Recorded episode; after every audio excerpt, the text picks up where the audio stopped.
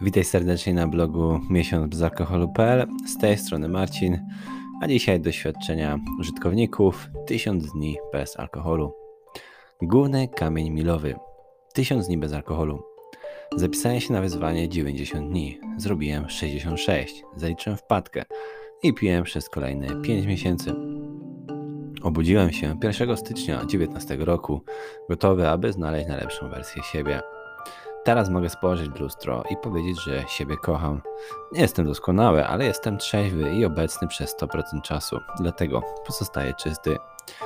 Czy czasami brakuje mi kieliszka wina? Tak, czasami mam kilka tygodni, kiedy dużo o tym myślę, jednak w dzisiejszych czasach niezbyt często.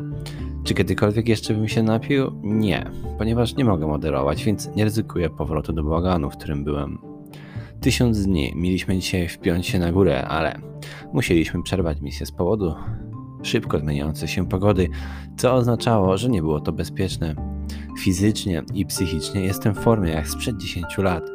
Jestem podekscytowany przeżyciem drugiej połowy życia na trzeźwo. Co za cudowne uczucie. Pozbądź się tej trucizny, aby powstrzymać cię od bycia najlepszą wersją siebie.